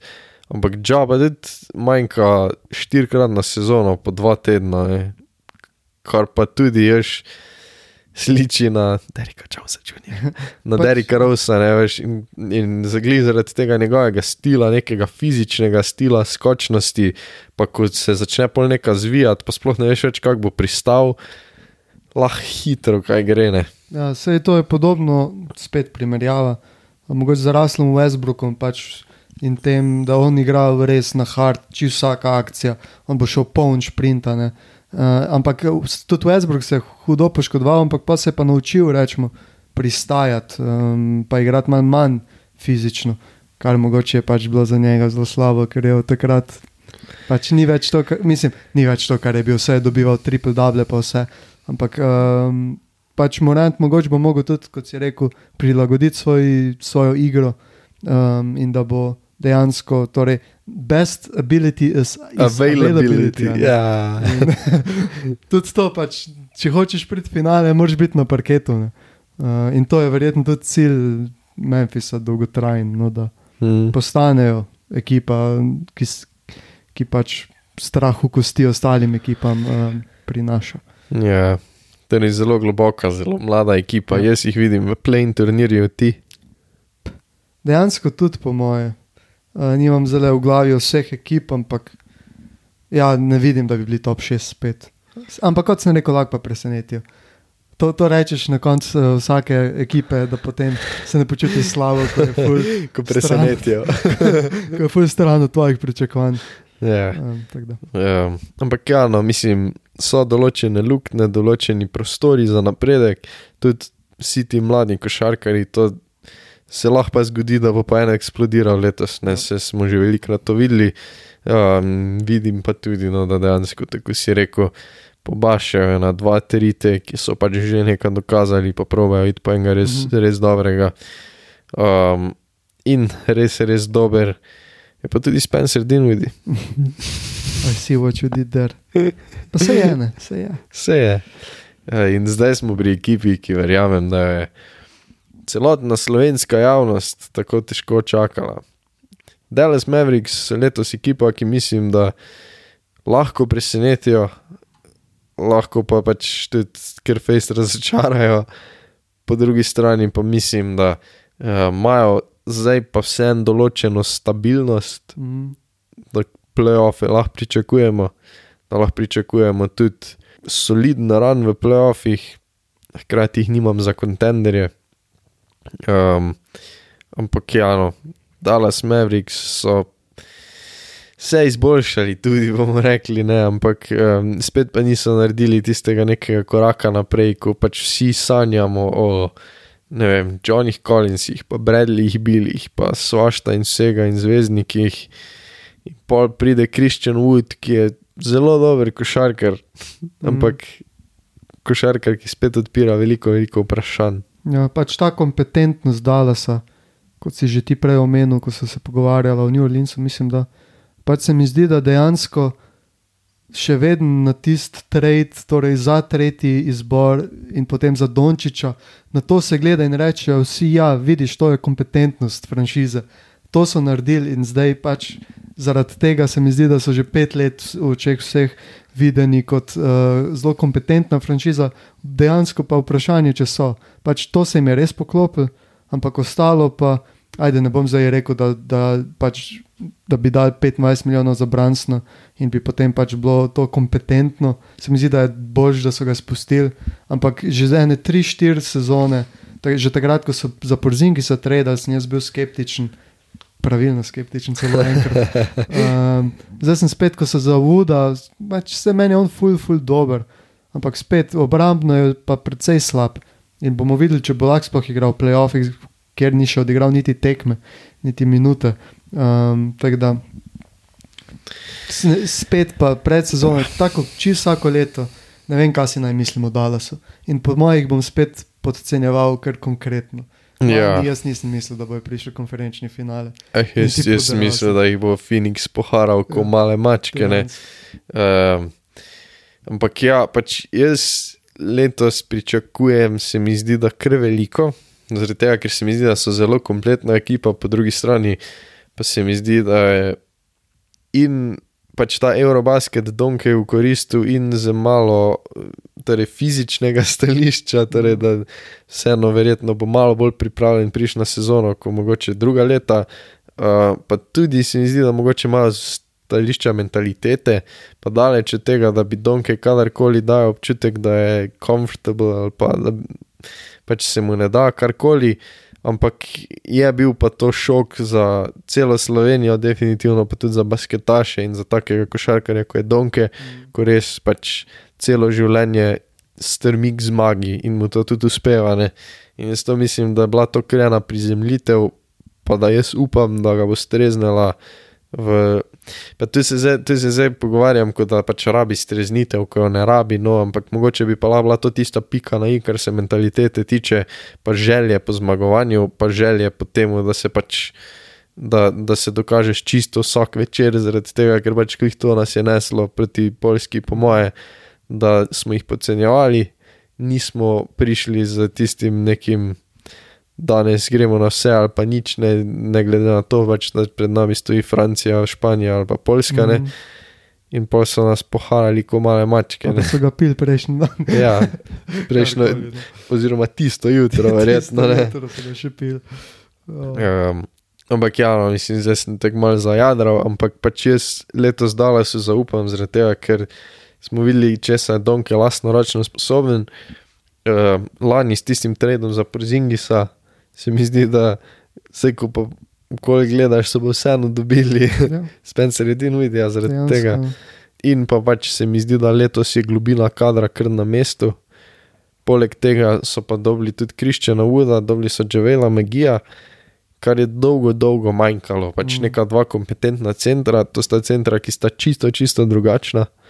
Džavel Magi res lahko dela v obrambi, v bistvu je dober rim protektor česar zdaj ni bilo, je dober rebounder, česar zdaj predala so ni bilo. Eh, po drugi strani je pa Christian Wood čisti napad, zdaj je soliden bloker, oziroma dosti je agilen, pa skočen, da več vse en lahko nekaj naredi, no, eh, nima pa tega občutka, velikrat mm. preveč odleti, oziroma preveč pleše po igrišču. Um, ampak je pa to neka kombinacija, ko v pravem, mogoče sistemu, ki ga bo pač definitivno mogli poiskati, bi pa lahko delovala. Ne? Je pa mislim, da bilo kar očitno nakazano, da bo Kriščan Wood začenjal na klopi. Ja, ja, to pa sem tudi glih mislil omeniti, kar je zanimivo odločitev. Uh, Meni se zdi, da pač on bi glih z Dončićem bi znal biti ubijalski. Pač pick and roll, pick and pop. Pick and pop, ja, pač no, lahko la gre na trojko, lahko gre po dobroč, eljub uh, ulovijo. Um, vse verjetno se bojo minute prekrivali, pa znam si predstavljati, da bo zaključoval tekme. Bomo videli. Um, ampak ker, ker Maxi Kleber, Dwight Powell in ostali centri, ki so jih imeli zdaj, meni je to res, res poprečno. No. Tako da, ja, kot si rekel, z magijem, pa udom, se magini, zdaj neki world beater. Ja, ampak pač pravi, košarkari. Ja. To, to je tisto, kar smo pač že nekaj skozi celo epizodo omenjali. Ja. Mislim, magi sam po sebi, vse je dober, ampak naprimer z Donkejem ta pick and roll je bil v Phoenixu zelo, zelo dober, s Krisom mm. Palom, kar bi pred Donkijo tudi lablo, definitivno bojo ti pod svojim obročem in skoki in blokade. Uh, Wood pa tako si rekel, no jaz mislim, da bi ga Donke znal odkleniti in mislim, da je to eno zelo, zelo dobro ofenzivno orožje, no pač za Dallas, ki definitivno dodal tudi nima neke fully visoke pogodbe, 14 milijonov. Ja kar je v bistvu malo, letos se vrača tudi Tim Hardaway Jr. To je še pa ena, po mojem, še največja od vseh. Ja. Uh, največji dodatek od vseh, ker pač Kalan je sploh igral ene par tekem na začetku. Nekaj je, ja, ampak nič kaj no. Ampak on je bil predtem, je bil pa tak tretji najboljši igralec z Dallasa skorda. Če, ja, pač, drugi. Ali pa celo drugi, ja. Kot Przingis. Ja, mislim, vse je bil, ne sem, vsem bi na tisti točki raje vzel Tima Hardaway Jr., ker je bil available. Ja. In pač, da se vrne taki igralec, da bomo videli, kakšni formi je, ampak pač to je zadala svetovno. Um, ja. Še, ja. Mislim, vse, vse en jaz mislim, pač, da so se fuli izboljšali. No? Pač kakorkoli obrneš, jaz mislim, da so se. Ampak pač niso naredili nič tisto, da bi rekel, wow, pripeljali so domke od drugega igralca. Zato le več lahko gledaš, pa vidiš, vidim pet opcij, kdo bi lahko bil drugi igralec za Kristjan Wood, jaz res mislim, da bo dober z Donkem. Mm. Hkrati pač ni all-star kaliber igralca. Um, je pa verjetno basketaš, ko bi lahko prišel do 20 pik na tekmo z Donkem, oziroma ja, tam nekje okoli. Pomaž Dwayne Pavla, ko ne vem, kako še kar tu dela. Ampak po pa letos so pripeljali tudi tega Jadena Hard Hardija, Rukija, ki fulga rejtajo vsi. Ja. Jaz sem videl ene par potesnosti, sicer na treningu, pa to ampak kakorkoli, pa Josh Green. Lani v playoffu je začel nekaj kazati, letos so vsi full high na, um, pač za njega, ker je bojde delo z Kajlom Laurijem. Poleti, tudi imam tu nekaj quote, lahko ti ga preberem. Čekaj. Josh Green did a little bit of everything during practice today and credited Miami Heat's Kyle Lowry. They lifted, played one on one scrimmages, did Pilates together every day in Las Vegas this summer. Lowry's advice man, just slow down. No more hot potato with the ball. Vsak dan sta delala pilates, celo poletje. Pilates. Tri, Every, tri mesece sta delala pilates. every day, dan. 24 7. Ne, lej, meni je on tudi bil tak, ah, ni, ni, nimam mnenja, kaj dosto o njem. Ampak ja, če je pač res dal v ta off-season velik, se mi zdi, da zna kar prid prav. Kar se pa Jadena Hardija tiče, sem pa tudi jaz videl neke statistike o tem, da je. Da je Ru- Ruki z najvišjim številom točk v zgodovini Dallasa na pre-season uh, tekmi, pa nekaj Ja. takega. Torej, še več od Dončiča. Um, tako da so pričakovanja kar visoka, verjetno. Um, pač strani Dallasovih navijačev, kar se pa tiče pač ostalih ekip, pa se mi zdi, da ga kar underratajo. No. Um, pač se mi zdi, da tem krogu Dallasovih navijačev je tako Jaden Hardy, najboljši Ja. ruki, ostali so pa tako, wow, ker en. Ker ne, Um, sploh bomo ne vejo, zdaj. kjer imajo prav. Ne. Ja, po mojem je poglih nekje vmes. Pa no. bo dobil priložnosti. sploh. Ja, ampak pač se, mislim, glih to se mi zdi, zdaj, da, da z temi dodatnimi pridobitvami, sploh na centrskem položaju, se mi zdi, da se celotna globina kadra čisto spremeni, pa celoten sistem, ker tako si rekel, naprimer. Pač, ok, zdaj jaz Dwighta Pavla nikoli nisem nekaj rejtal, no moram priznati, verjetno ga tudi underratam, ampak Maxi Kliber je pa dober v tem, kaj dela. Je pač shot blocker, bloker, pa trice meče. Ne? In pač to je bil zdaj v bistvu starter. Mhm. Ne? Ja. In zdaj z tema dvema Pri- Pridobitvama. pridobitvama, hvala. Ja, z tema dvema pridobitvama pa je naenkrat v bistvu to sedmi igralec, naprimer osmi igralec, ko tam pa pol dela razliko. Ne? In to, je, to sem imel isto, naprimer pri Denverju, veš. Imaš Jokiča, ko pač Mm. all time great, pa imaš Murija, na tretjem mestu je verjetno Michael Porter Jr., ampak na tretjem mestu bi lahko bil tudi Aaron Gordon. Ne? Mhm. In pa, pa če je pa Aaron Gordon kot četrti igralec ekipe, pa tam dela tisto razliko. Veš. Ko, naprimer, v Orlandu so ga hoteli imeti za zvezdnika, Ja. nikoli ni prošlo. Ne? Takrat, ko je pa pač neki igralec. Ko ga potisneš malo dlje, pa, pa tudi njega odkleneš, pa tudi se on bolj najde v tej vlogi. No? In to jaz mislim, da veš, bo dodal Maxi Cleaver, naprimer, neko obrambo, sklopi, tisto drugo ekipo podelal, uh, verjetno bo lahko tudi špilo s Kristjanom Woodom, da bojo kaj takega probali, lahko tudi, da bo naprimer Dorian Finney Smith pa špilo štirko, pa bojo vrgli v bistvu scoring na 1, 2, 3, po mojem Frankan Tilikino, ki je tudi začel predala, so vsaj malo dobro igrati, definitivno ti doda tisto neko obrambo. Um, Josh Green, če naprimer dejansko naredi korak naprej, pa imaš pa te šuterje, Reggie Bullock, Spencer Dinwiddie, Davis Bertans, ko pa pač tako sedijo zraven Donkeja, ko malo kdo ne, ker Donkera, Donke bi rabo v bistvu enega centra, torej centra partnerja, kot je naprimer Christian Wood, verjetno malo boljši, pa bolj zanesljiv košarkar, Ja. ampak nekaj takega, pa tri, tri ND gaje, dovesedno ne, pa bi pač se lahko pogovarjali o kontenderju. Ja, kar jih pa, mislim, Reggie Bullock, Tim Hardaway Jr., Ja, ampak to je tri, ni pa di. vse je res. Ja. Mislim, to, to je malja, nobenega, nobenega nimajo, tako ko bi delal vse stvari, imajo pa skozi celoten kader, ful velik, se mi zdi, da stvari, ko se komplementirajo. Pa letos se mi zdi, da je prvo leto dejansko, ko imajo ful velik možnosti. Pa ko gledam to, pa nisem tudi ziger, kako bojo igrali. Zdaj rekla Mhm. smo Christian Wood, da bo na klopci, lahko da bo tudi v prvi. Ne? In tu zdaj vidim jaz dejansko pet, šest različnih prvih petk, ko bi lahko delovale. Kak hit se bojo sestavljali, bomo videli, verjetno se bojo tudi malo med sezono sestavljali. No? Um, ampak glih to se mi zdi, da je letos prvič v fucking petih letih, ko je Donke v ligi, da imajo opcije, pa Ja. da lahko naredijo eno ekipo, ki bi dejansko delovala, pa vse pokrila. Pa videli bomo zdaj dejansko, iz česa je sestavljen trener Jason Kidd. Pač pred lansko sezono, je, ko so, oziroma ko so ga pač pripeljali, je bil to tako čuden, čudna poteza, noben mu se ni glih dopadel, um, pač kot trener, tudi Milwaukee pač je propadel skoraj. No. Um, ampak zdaj po, po lanski sezoni je pa kar naenkrat Jason Kidd res, res zna in res ve. ne. In zdaj bomo pa v letošnji sezoni dejansko videli, po moje, um, torej iz česa je, je, iz kakšnega testa uh, je sestavljen. in um, Kvašenega. kvašenega, verjetno. In ja, pač odklenil je Dončiča lanske sezoni dodatno, pa pač poleg njega še ostale igralce, zdaj pa da Dallas res um, tej sezoni pokaže, da je kontender, res pravi.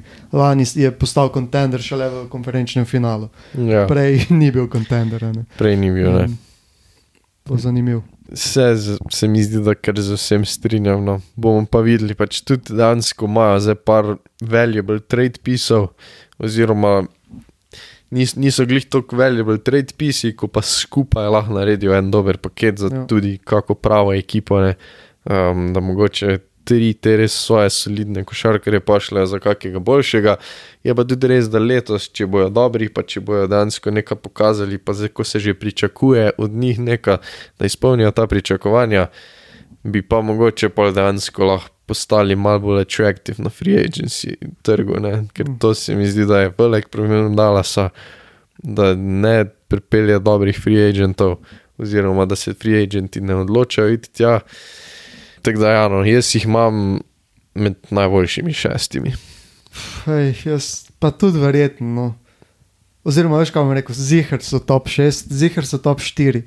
Zato, ker vsako leto jih uh, podcenjujem in pa sem vsako leto presenečen, kaj pač Dončić predvsem zmore. In bom rekel, ja, top 4. No, ja, mislim, le letos, bili, mislim, lani so bili Četrti. četrti, Ja. pred njimi je bil Golden State, ok, verjetno tudi letos lahko spredi Memphis, Ki smo rekla, nekako da- nakazali, da bojo Ja. ja. nižje, pa Phoenix, ki ima letos več problemov kot bojo odgovorov. Zihar niže. Mislim, No, da Andrej Ayton noče biti tam, to mi je ja. zanimivo, uh, kako bojo pač to situacijo razrešili. Ne vem, kaj se je zgodilo tu v tem odnosu. Ja. Pač, to se je lani, v bistvu že v končnici, nekoga nekako ni igral levo Mhm. desno, medtem ko predlani je pa bil tako jak, da brez veze. In pa mu niso hoteli dati tiste 100 milijonske pogodbe, brez veze. No. Ampak ja, no, naprimer peti, torej prvi zasledovalci Dallasu so bili pa Utah Jazz, ko letos padajo za 10 mest. Ne. Ka, misliš, da Lauri Marka ne, ne bo vodil te ekipe do prvega, Lauri. do, do Frsida? Eh, jaz pa bolj računam na kakega Agbadžija. mm, novi center. Uh, jaz jih imam kar visoko, pa se lahko zdaj. Um, mogoče dotaknemo še pač ostalih ekip, ki sem jih zdaj že predelal, pa mi ti poveš svoje mnenje o njih. Okay. Uh, Boston Celtics. Puh, S temi le zadevami, ki so se dogajale v off-seasonu, glede Bostona, uh, je še ena taka ekipa, ko ne vem točno, kam bi jo postavil, ampak po moje bojo dobri. No. Dodali so Melkoma Brogdona, uh, Galinari se je poškodoval, kaj so še kaj dodali. To je to v bistvu, ampak lani so bili dobri, so prišli v finale, letos bojo spet dobri in bojo drugi na vzhodu. Uf, visoke napovedi. Ja. Ja, jaz sem nekako tako rekel, da se mi vse zdi, da je ekipa tako celostna, sem pa po drugi strani študiral, ne, da to bo zdaj torej tretji trener v treh letih. Mm. In to je zdaj se dogaja v obdobju, ko oba zvezdnika uh, stopata v svoj prime, ko oba zvezdnika, jaz mislim, da sta pač lani sicer ni glih lepo to zgledalo v finalu, ampak je bila pa to neka neverjetna izkušnja, ne? Ja. ko veliko od nje lahko odneseš, sploh taki košarkari. Um, in to definitivno ni dobro. No. Zdaj pač imeli so torej Breda Stevensa, se je odločil, čau, čau. Zdaj je to zudo, mislim, ja, si še vedno tam, ne, lahko pa naprimer, da Brad Stevens pride nazaj, Ja, prevzame za to leto. to je bilo pa zanimivo, da bi opravljal obe vlogi. Bi bil tak, bi, bi imel sestanek sam s sabo, eh, Doc Rivers ali Pop. Mislim, da ni Doc Rivers včasih imel v bistvu vse čez, da v Clippers včasih. To me ne vem, Ne vem, da. Pop ima v San Antoniju. Ja, je tudi pop. Um, tako da, ja, no, mislim, jaz še vedno mislim, ja, da bo Boston dober. Filadelfija. Ja, mislim, da bo number one seat. Jaz tak, mislim, kar so dodali v letošnji, uh, torej v poletju, Shake Milton, naprimer, uh, pa so še dodali. Zadnji. Pač, naprimer, torej, Harden je, bo začel sezono dejansko z ekipo, kjer hoče biti, verjetno predvidevam. Um, Brooklyn je razpadel lani, prišel na pol sezone, sta imela tiste pol sezone, da se malo grejeta. In zdaj mislim, da bo ta z Embidom res dobra, če bo uh, Embid zdrav, seveda. Uh, Harden je do zdaj skoraj vsako sezono odigral vse tekme, praktično, um, na Embid na drugi strani. Ja, ampak lani, lani, lani je imel. je bil, lani, ja. Ja, pa lani je največ, lani je spustil, po moje, dobrih deset, Mhm. pa največ, davč največ zaradi COVID-a. ja, ampak vseeno ne zaupam, še vedno ne, kar se poškodb tiče. Ne. To je res. Uh, potem Brooklyn Nets. Ej, jaz tako upam, da bojo za nič, to je bilo pa tako lepo videti.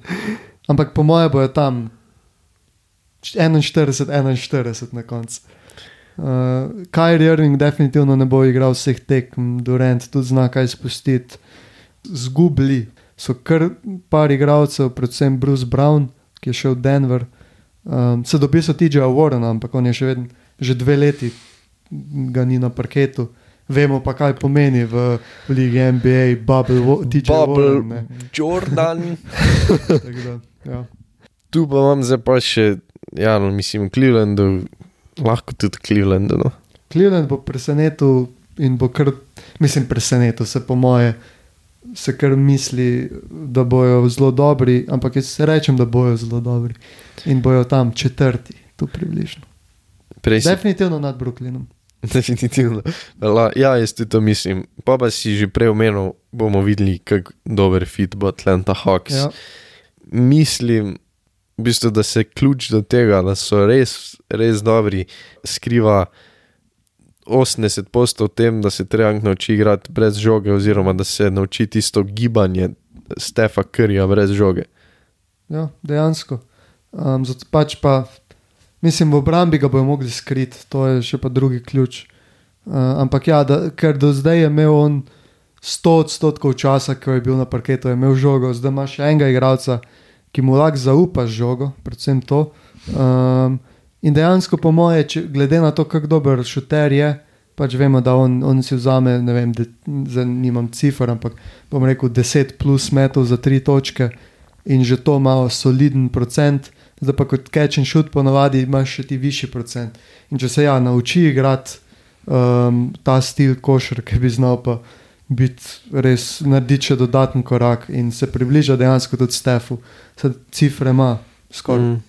Podobno, oziroma še boljše, zdaj asistenc je imel vedno veliko več kot Krija. Uh, zdaj pa ja, mogoče bo mogel malo na asistencah dol, pa na točkah še gor in predvsem na procentu meta. Um, tako da bomo videli. Ampak- Ja, mislim, procent meta je to, kar je sicer šlo gor lani, mislim, da za ne 3 odstotke, Kaj za tri ali na, na splošno? za 3. Mhm. Uh, ampak ja, mislim, da je bil pri 38, No. zdaj pa jaz pa mislim, da letos se bi lahko, oziroma mogel dvigniti do 40. Ja, Ja, ne, ja, ja. ampak je pa to precej odvisno od tega, koliko pač. Ker meni se to tudi zdi, da je tako malo volja, veš. To, to igra brez žoge. Pač Mm. ni, ni, ni tako, da ni tako kul, cool, ko nekoga nadudlaš, pa narolaš, pa levo desno, ampak je pa fulučinkovito. Mm. In zdaj, če bo pripravljen sprejeti to vlogo, bi lahko bilo dobro. Are the New York Knicks back? Ne. Naštela so zelo, torej pet, šest ekip, ki se mi zdi, da so čisto vse boljše od New Yorka. Potem se še niso dotaknila tudi um, Chicaga, vse to je tudi tu, pa Miami, no. Miami pa Milwaukee. Evo. To se mi zdi, da je vse boljše od, od New Yorka. Jalen Brunson se mi ne zdi taka, tak pač dodatna moč, da bi kar naenkrat jih naredil top 6 uh, na vzhodu. Tako da, ja, play in, ampak po pa tam zgubijo in ne bo jih playoff. Tako tak jaz mislim. Jaz se tudi nekako temu nagibam. Potem pa še mogoče sem zadnja franšiza na vzhodu. Uh, šel sem po tistih, ko so mogoče malo vprašanja. No. Milwaukee, a Miami nisem omenjal, mm. ker se mi zdi, da vsi vemo, kam bomo ja, njih dobili. Um, rekel si, da letos je bo tvoja najljubša ekipa, oziroma boš navijal za Orlando Magic. Ja, To sem si že mogoče premislil. Ne, pa ne, tako simpatična ekipa je, ekipa pač ne bo dobro. Uh, po mojem bojo tam deseti, ne čeprav deseti grejo v play-in, enajsti bi znal biti na vzhodu. Um, Pavlo Bankero bi znal biti favorit za Rookie of the Year, po mojem bo vse šlo čez njega.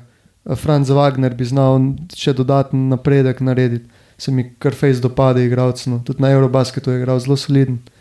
Uh, k- m, podaljšal sem moja bambo, on se je tebi vedno predvsej dopadel, ali ne? Vem, da si, Kul mi je bil tiste blokade ja. njegove stari. Ko, bil si kar haj na njem. ja, Uh, pred draftom. sem- Potem imajo pa Fulce, mislim, da spet nekaj poškodoval. Uh, ampak glavnem, Jalen Sachs ni navdušil na, v prvi sezoni, zdaj bomo videli, pač obrambno vemo, da je soliden, imel je pa ne vem, 36 odstoten met. Uh, in s takim igralcem na igrišču ti ne moreš nič narediti. Um, Je. ampak ja, zaključimo pa s tem, da mislim, da ne bojo preveč dobri. Um, enostavno je preveč močnih ekip na vzhodu. Um, sicer pa igrajo, torej, ja, Charlotte pa Washington, mislim, da imajo v svoji diviziji, eh, to sta tudi ekipi, ki bi znali biti kar free wini. Bomo videli Washington, no, ampak Charlotte, Ja. yeah. definitivno. Pa se selimo mogoče na uh, zahodne Phoenix Suns. To je franšiza, ki je uh, bila lani prva v ligi, predlani je šla do finala lige, lani pa je dokaj spektakularno pogorela v končnici. Um, letos pa ogromno drame in na in izven igrišč. Že prej si rekel, pač, da ti je bizarno. Pač Meni men mogoče ni tako bizarno, da Deandre Ayton noče tam biti, glede na to, kako vse se tam dogaja, mi je Ja. pa zelo, zelo bizarno, kako se to odvija. Da dejansko v medijih, v javnosti, mislim, niti, niti se ne trudi skrivati. Ja, pač, kaj so imeli tam medije delali, ko bi jaz gledal, kot da je najbolj nesrečen človek na svetu, da pač mora imeti oblečeno majico od Phoenixa. Uh, in res, res nisem uh, samozavesten v to ekipo. Uh, mislim, da tudi oni niso sebe. Za še Jay Crowder hoče iti, se ni to nek zvezdnik, ampak vse je bil član prve peterke. Mm. In če ga pač hočejo trajati, bojo mogli nekaj dobiti za njega nazaj, uh, kar jim bo pomagalo. Ne, ne bojo zdaj oni iskali first round pike in ne vem kaj. Ampak tako ali tako, ta Cameron Johnson, Cam Johnson, Cam Johnson, ja. prevzel nekak mesto pri peterki. vlogo, ja. Um, bo- Ja, mislim, se pogovarjajo, no, ja, da J. Crowder tudi nekaj na Twitterju že kao, da bo šel levo, desno, gor dol. Se pa vrača Darijo Šarič, ja. um, smo že pozabili na njega. Ampak je bil kar dober, takrat, ko je ja, igral. no. Um, ampak ja, no, mislim, tu je ful bizarna situacija. Jaz še vedno mislim, da je Monty eden najboljših trenerjev v Ligi NBA, sem po drugi strani pa je Chris Paul star, zdaj že ne 68. Um, Koliko je res 37, mislim, da bi znal biti. 38 bo Pa po osem, moje. ja. V glavnem, tu lahko zdaj dansko pričakujemo že nek naravno upad. No, sej je košarkar, ki ima neverjeten IQ, pa lahko z sam tem IQ-jem naredi veliko, vsaj kar se razigravanja ekipe tiče. Um, ampak imeli so se mi zdi, da za dve leti okno za osvojitev naslova, to ni prošlo, Ja. zdaj pa je še v bistvu ta situacija s serverjem, ko prodaja ekipo, ko je zagotovo nekaj negotovosti, to zdaj ne moremo sklepati, pa ugibati, kako vpliva na samo igro, pač pa na same košarkarje, ne to, da se franšiza prodaja oziroma da dobijo drugega lastnika, ampak nekaj dodatnega pritiska ali pa dodatne drame, pa definitivno je, kar pač nikoli ni dobro. Ne. Ja, pa mislim, da kar ene par ekip uh, šlo nad njih, že na zahodu, kar se tiče pač favoritov. Naprimer, kdo bo zdaj le zbral Phoenix, da, da premaga Dallas v seriji na štiri zmage, noben, vsaj po mojem mnenju. Um, že to je tako ena ekipa, no. uh, pa mislim, da jih bo še zelo omenila ene par. Tako da, ja, Phoenix bi jaz rekel, da bo tam peti do šesti, sicer bi pa tudi znali imeti dobro, do, dober, torej redni del sezone, pa bi potem znali spet pogoreti v končnici. Bomo videli. Ja, ampak trenutno, kako igrajo, da jih Adelaide, Adelaide 36ers, ali neka, neka svoja 60-30ers. A se Eh. tako reče. 60 Turtles. Eh, ne vem. 62ers, 61ers. Thirders. Sixers se tako fajn sliši, kar pa pol Ja. ostalo. Eighters, seventers, five, sam Sixers gre. Uh, ja, no, mislim, Phoenix, jaz ne pričakujem veliko. Uh, je pa kar veliko drame, trenutno tudi v Golden Stateu. Jaz sem lani, oziroma mislim, da smo celo mi dva snemali epizodo, ko sem jaz rekel, da je pač nek kao wild prediction, levo desno. Ja. Sem rekel, da je moj nek uh, wild prediction, da je konec ere Golden Statea. Mm. Zdaj so se začeli ti mladi igralci vklapljati, Jonathan Kuminga, James Wiseman je zaigral res dobro, kar bi lahko pač dodalo neko novo dimenzijo, dejansko, ne Ja. pač pa zagnalo še neko novo ero, ne, ne samo da bo konc stare, da bi mogoče lahko še nekaj dodali, uh, ampak je pa za itak eksplodiralo, ko je Danny Green, ko je Draymond Evil Green. Danny Green. Evil Danny Green. Draymond Green je Jordana Pula v bistvu dobesedno pretepil na Mhm. treningu. A, grozno je izgledalo, se je tudi pač sicer pol upravičevala. Vse, S pištolo na glavi sem se. joj, sorry. Ja. Um, Misliš, da je mislil pravičilo? Jaz mislim, da ne. To pač je čist tak PR zadeva. Ma ja, no, sem se pač Draymond, ko govori, se mi zdi, da štimano klika, kar se te govne sposobnosti tiče, da pove prave besede. No. Ja, ja, da, ja ampak Kao, I pravim, da failed če, as a leader, I failed as a Ah. man. Veš, To je že en tak soundbite, ko ga lahko pač pol posod uporabiš, pa bojo vsi ljudi, fuck, kak se sekira. Ampak ja, no, kaj bo to naredilo s kemijo? Dejstvo je, da se pač, vsaj jaz mislim, da kljub temu, da se verjetno Stef pa eh, Clay, ki sta pač liderja te ekipe, zavedata, da to, kar je Draymond naredil, je nespremljivo, bo to na njegovi strani mm, um, kar lahko naredi krvole, razkol v ekipi, po moje. Zaradi tega, ker dejstvo je, more bitno, da je Jordan Poole mogel imeti gobec, mm, da je pač prišlo tako daleč, ampak to, kar je pa Green naredil, da ga je dejansko pune bate, veš, ni, ni to tisto, ko se mi zdi, da. Včasih lahko kak tak skrep, oziroma neko veš tisto, mal, da si kdo vlase skoči na treningu, da lahko celo pomaga ekipi, da doda Mhm. neka tiste borbene. To je bil pa pač sam full-on sucker punch. sam zložil se je tam Ja. yeah. ob steni. Je bilo kar eh, tako grozno za gledati, ja, ampak um, tudi jaz ne vem. Pač vse verjetno, glede na to, da so vsi profesionalci in da so prvaki, štirikratni, ne na zadnji, torej Curry, Clay in Draymond, uh, bi znali pač pomiriti to situacijo, se usediti za skupno mizo, pa se pomeniti. Ampak pač pul, predvsem pul, mislim, da mu, ne bo, da pač mu bo zameril za skos.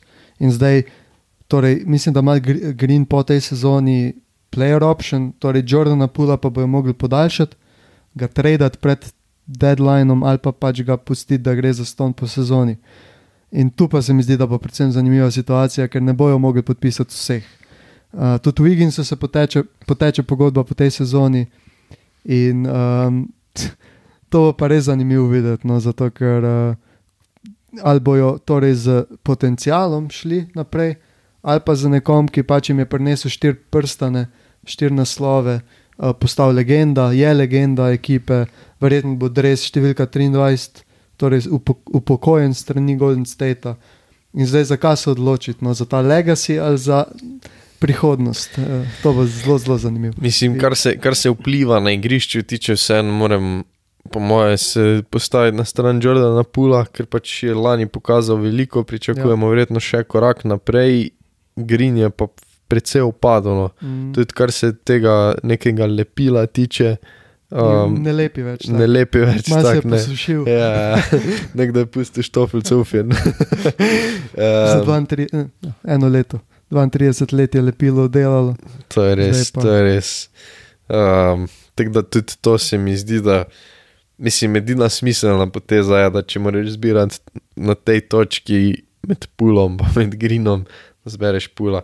Je pa res, da tudi, naprimer, tako si rekel, ne, zdaj, če pa ne zbereš grina v tej situaciji, pa bi lahko imel probleme z Stefom Curryjem. Ja. Ko Curry, pa tudi Curry je pa pač tok naredil za to franšizo, pa je tak igralec, da zdaj pač če bo pri 40 jih veš cel zlomljen, hotel še dve leti, mu jih morajo dati. Ja, dejansko.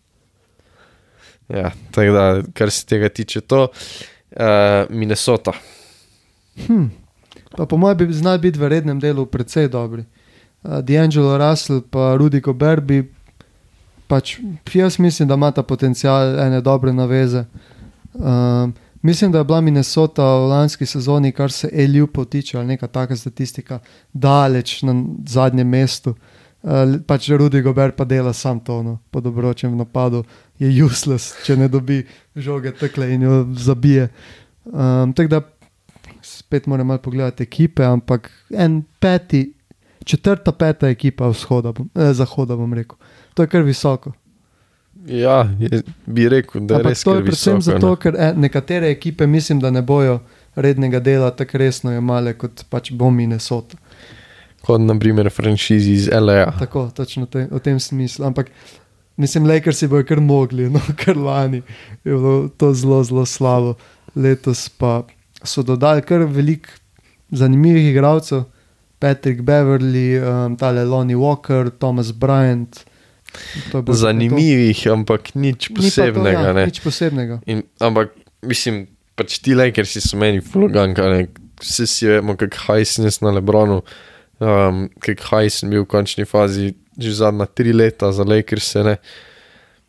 Letos smo prišli do točke, ko jim pač preprosto ne zaupam več, ampak po drugi strani pa vsem študiraš stari, če se Anthony Davis sestavi, pa mu nekdo kupi nov križ pa imaš še sen Lebrona, ko tudi ni več v svojih zlatih letih, pa tudi smo že v zadnjih letih opazili upad. Je lani sen bil skoraj scoring leader, Mm. oziroma scoring champ, um, vseeno ima pregled nad igro, ni več to tisti fizičen Lebron, ko smo ga gledali 15 let, 20 let, ne. ampak je pa, je pa to Lebron, ki še vsem pač je top 10 igralec v ligi, ne. kar pa pol vseeno se mi zdi, da tudi pač zelo, zelo pašeta skupaj ta dva majstra ne. in tu se mi zdi, da dejansko največji problem za to partnerstvo je Russell Westbrook. Res. Ampak tudi jaz nisem Davisu nikoli neki preveč zaupal. Um, ampak ja, če ima Lebrona ob sebi, pač tisto, kar najbolj manjka Davisu, to je neka ta, vsaj po mojem mnenju, mentaliteta, torej liderja. Podobno kot Towns v bistvu. Tako misli, misli, da je lider, pa v bistvu ni. Ampak vse po moje je Davis prišel do točke, ko ve, da ni lider. In zdaj ima pač Lebrona ob sebi, to pač tega liderja, najboljšega v ligi, najverjetneje. Um, ampak ja, pa, pa na drugi strani poškodbe, um, koliko tekem bo odigral. Mislim, da je imel rekel, da ima cilj odigrati koliko več kot 70 tekem, se ne vem točno. Ampak že ima zdaj le Več kot 70 odstotkov, mogoče. mogoče. Ampak že v pre-seasonu Ima težave neki- s hrbtom. ima težave s hrbtom in, in pač počiva. Tako Pač da, to, to je sen, ne vem, veš, koliko uh, dati na ta pre-season. Zaradi tega, ker to jaz čisto vidim, da je tako dan se mi da igrati, imam Misliš? težave s hrbtom. kaj pa vem, upajmo. Za, mislim, jaz upam, Mislim, da ne, ker jaz upam, ja. da Lakers si za nič, ampak ja. Upajmo, gled, upajmo glede na to, da je Anthony Davis generacijski talent in da nima več ogromno let pred sabo, no koliko je star 29-30. 30, če zihar ni. Ni? Jaz bi rekel, da je 28. Šele. Anthony Davis je 29, čez pol leta bo 30. Pizda, bo pa res že kar stara. 11. marec bo 30, to je ta sezona.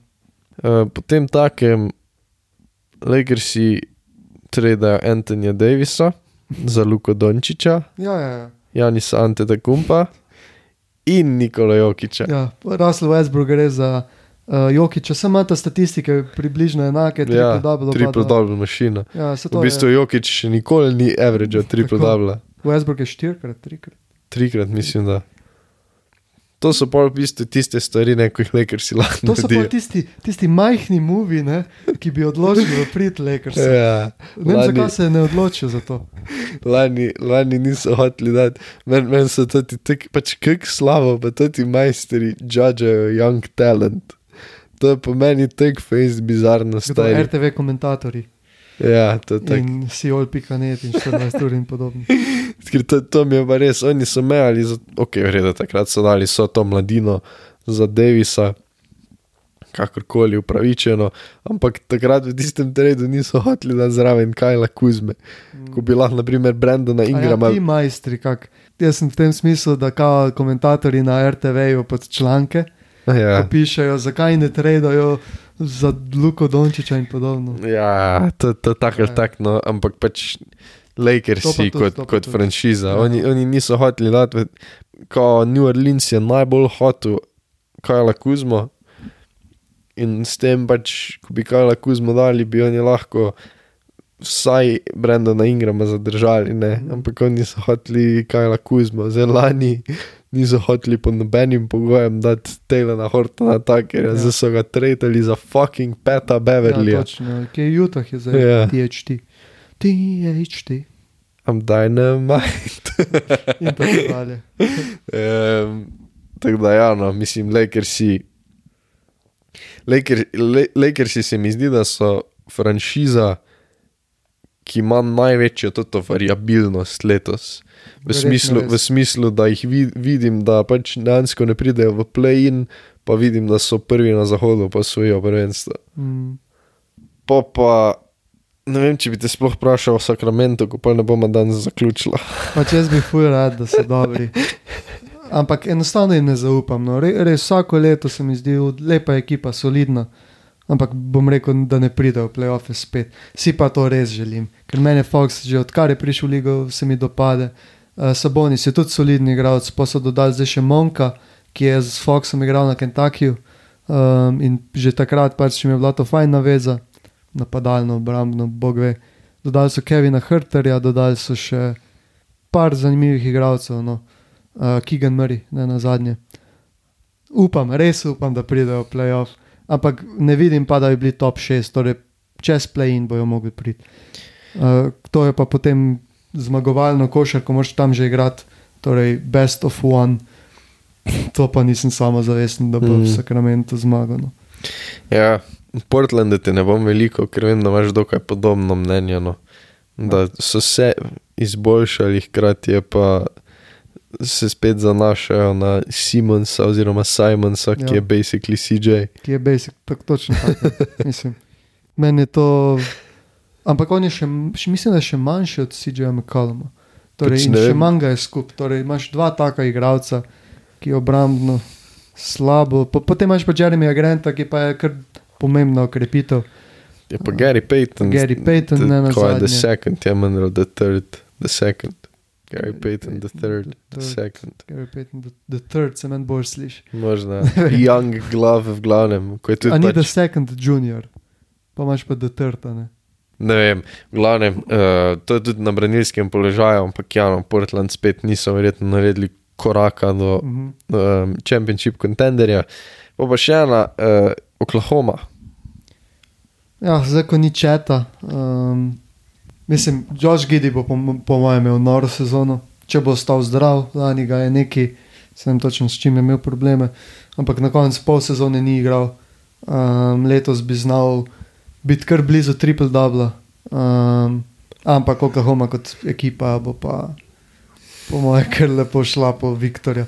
Si predstavljaš to? Viktor Banjama Wembanyama. in Chad Holmgren v isti ekipi. Dve bobi palčki. Ja, točno to. Zdaj se pa lahko mogoče sam prestavimo na nagrade, Lahko. pa da začnemo z največjo MVP. Uh, Jokič zihrne. Mm, bom rekel celo Luka Dončić. Jaz tudi. Zdaj pa mislim, da je leto, ko, ko pač bojo videli, da predvsem da s to ekipo, ki torej ni top, top, pa da jo vedno pripele do vrha skorno. Pač ne, ne do samega vrha, ampak zelo visoko. Mislim, da bo Dončić, da je Dončićevo leto. Ja. In, in mislim, da že peto zaporedno leto, ko bo Evropejc dobil MVP. Um, odkar je Dončić v ligi, ni dobil noben drug kot Evropejci MVP. -ja. Ja, na Dvakrat zadnje je Janis, bil dvakrat- 2017, to bo šesto leto. Dvakrat Janis, dvakrat Jokič in zdaj, torej letos, kdo je pa prej bil? Prej je bil Harden, Harden. Tu nekaj manj kot mes. Ali ne, ne, Janis je bil 19-20. Ja, tako. 19, 21, 20, 22 je ja. Jokič. Torej, odkar je Dončić v ligi, so sami 17 je bil. Westbrook, ja. Menda je neka taka situacija. 15-16 je bil pa Štefan. Ej, možno. no, ja, uh, ja no, jaz, jaz tudi mislim, da Dončić, tako si rekel, zaradi tega, ker nima fukjene ekipe, hkrati je pa dovolj dobra ekipa na vse, mislim, da so lahko na prvih treh sidih. Um, in jaz tudi mislim, da, tako sem že prej rekel, da je Dončić prvič pripravljen na sezono, uh -huh. kar je ključnega pomena in kar smo tudi pri Nikoli Jokiču videli. Jokič je vedno prišel 10 kg pretežek, na začetku, prva dva meseca porabo, da je prišel um, v formo in pol v bistvu z dvema mesecama zamude začel igrati. Ne, in pač ja. nekako se mi zdi, da je to isto pri Donke. Sem se od Prdončiča vedno bolj govoril o tem, se meni zdi. Pač to je bil njegov največji nog, da pač začetek sezone je kao imel zelo slab vsako leto. In zato ja. tudi niso glasovali za njega, pri Jokiču pa to ni bilo tako. Ja, mo možno resno, ampak tudi pač po mojem tam zaradi mase, tu pa pač predonke je bilo pa fizično oziroma vizualno vidno, ne, da je pač se čisto zapustil. Ja. Um, in ja, no, pač jaz res mislim, da, da bi to lahko bilo, ker tudi Jokič pa pol tisto prvo sezono, ko je prišel, ko je prišel, Andreft, ja um, z Janom, mava čez pol urce, dreftamo s kolegi uh, za fantasy. To tudi lahko kako epizodico mes naredimo, da vidimo, kako to gre. Uh, ampak ja, no, Donke, jaz mislim, da bo, jaz mislim, da je pripravljen. Championship oziroma champion. Bom pa rekel Denver. Jaz mislim, da bo Denver zelo dober. Uh, Jokič je sam popeljal to ekipo v končnico, zdaj pride Murray nazaj. Michael Porter nazaj, dobili so Kalvila Popa, dobili so um, torej Brusa Browna in mislim, da imajo torej ene osmi igralce, ki res lahko igra na visokem nivoju, pač v playoffih ne rabiš več kot to. Um, in bom rekel Denver. To mislim, da ni tako popularni zbor, ampak zdi, jaz kar um, že nekaj časa razmišljam o tem, da bi Denver znal biti. Čeprav sem prej rekel, da ne razmišljam o teh stvarih. Ampak Rečemo Denver. Me je všeč, ja.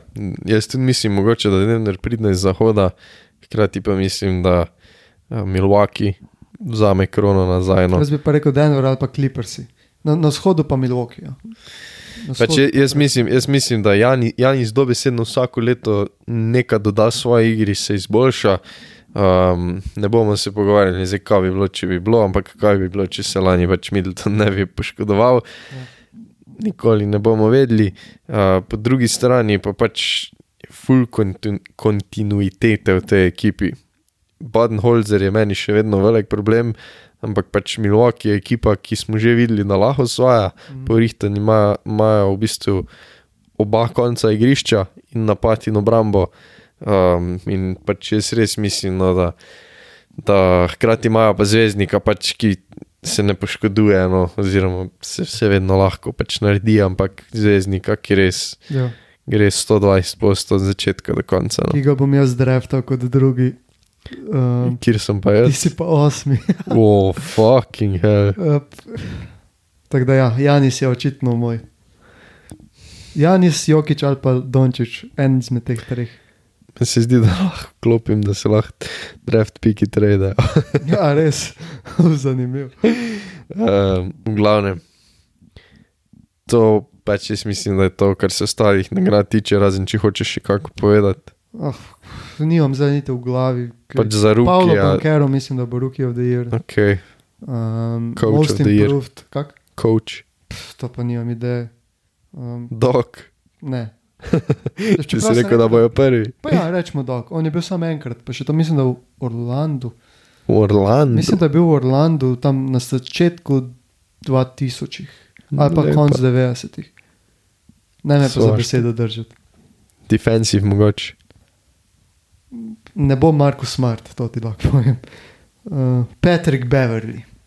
Jaz pa, mislim, jaz pa mislim, da bo Janis. Ja. Zaradi tega, ker po mojem, ne bojo dali MVP-ja, pa bo to ležilo na nagrado. Ja, vse zato ti pravim, da ta defensive ekipe, torej all defense, pa defensive player of the year, to je tako kar neki. Mislim, že, že to, da je smart bil lani, pa je bilo vprašanje, če je bil najboljši v svoji ekipi. Mm. Um, že to ti dosti pove. Ker je. Pa, pa, pač, ja. Čist možno, ja. da bo Janis. Mislim, slabo je meni sam, naprimer, zaradi tega, ker se ne gleda mogoče individualno vpliv Zaradi tega, ker takrat, naprimer, torej lani oziroma predlani, zdaj jaz res mislim, da je mogel biti Ben Simons. Se ne spomnim, pozabil. Ben Simons igra košarko, nisem vedel. Kdo je Ben Simons? Sam je bil zelo na JJ Reddick podcast. Kdo je Ben Simons, a res. Pa če rekel, jaz sam, kao pa jaz mogoče zastopim, da se je v Fila- Filadelfiji to prišlo do točke, ko je bilo tek, da kao pač je bil zunaj, pa sprehajal pese, pa je bilo po vseh medijih, kao, why don't you practice shooting, pa tako ne. Kar bi rekel, da mora rad nadležno. Yep. Ampak tukaj smo že krepko več kot ura in pol. Jaz mislim, da je čas, da zaključimo najlepša hvala, ker si se udeležil tega svečanega dogodka. Lepo je bilo. Uh, Zdaj moramo naštudirati čisto vse trade. Jaz, če med enega od prvih treh izvarov, ker fantasy je life. Tebi že, se predvsem FPL, ampak Ja. potem drugi. FPL pa, kurma, stari 2000 na svetu, sem ne memet. Noro. Hvala, ker ste poslušali, upam, da se slišimo tekom sezone, skozi celotno sezono. Veliko takšnih epizod bo, veliko drugačnih epizod bo, veliko bo pa epizod, ki so nekaj vmes. Ajde. Ajde.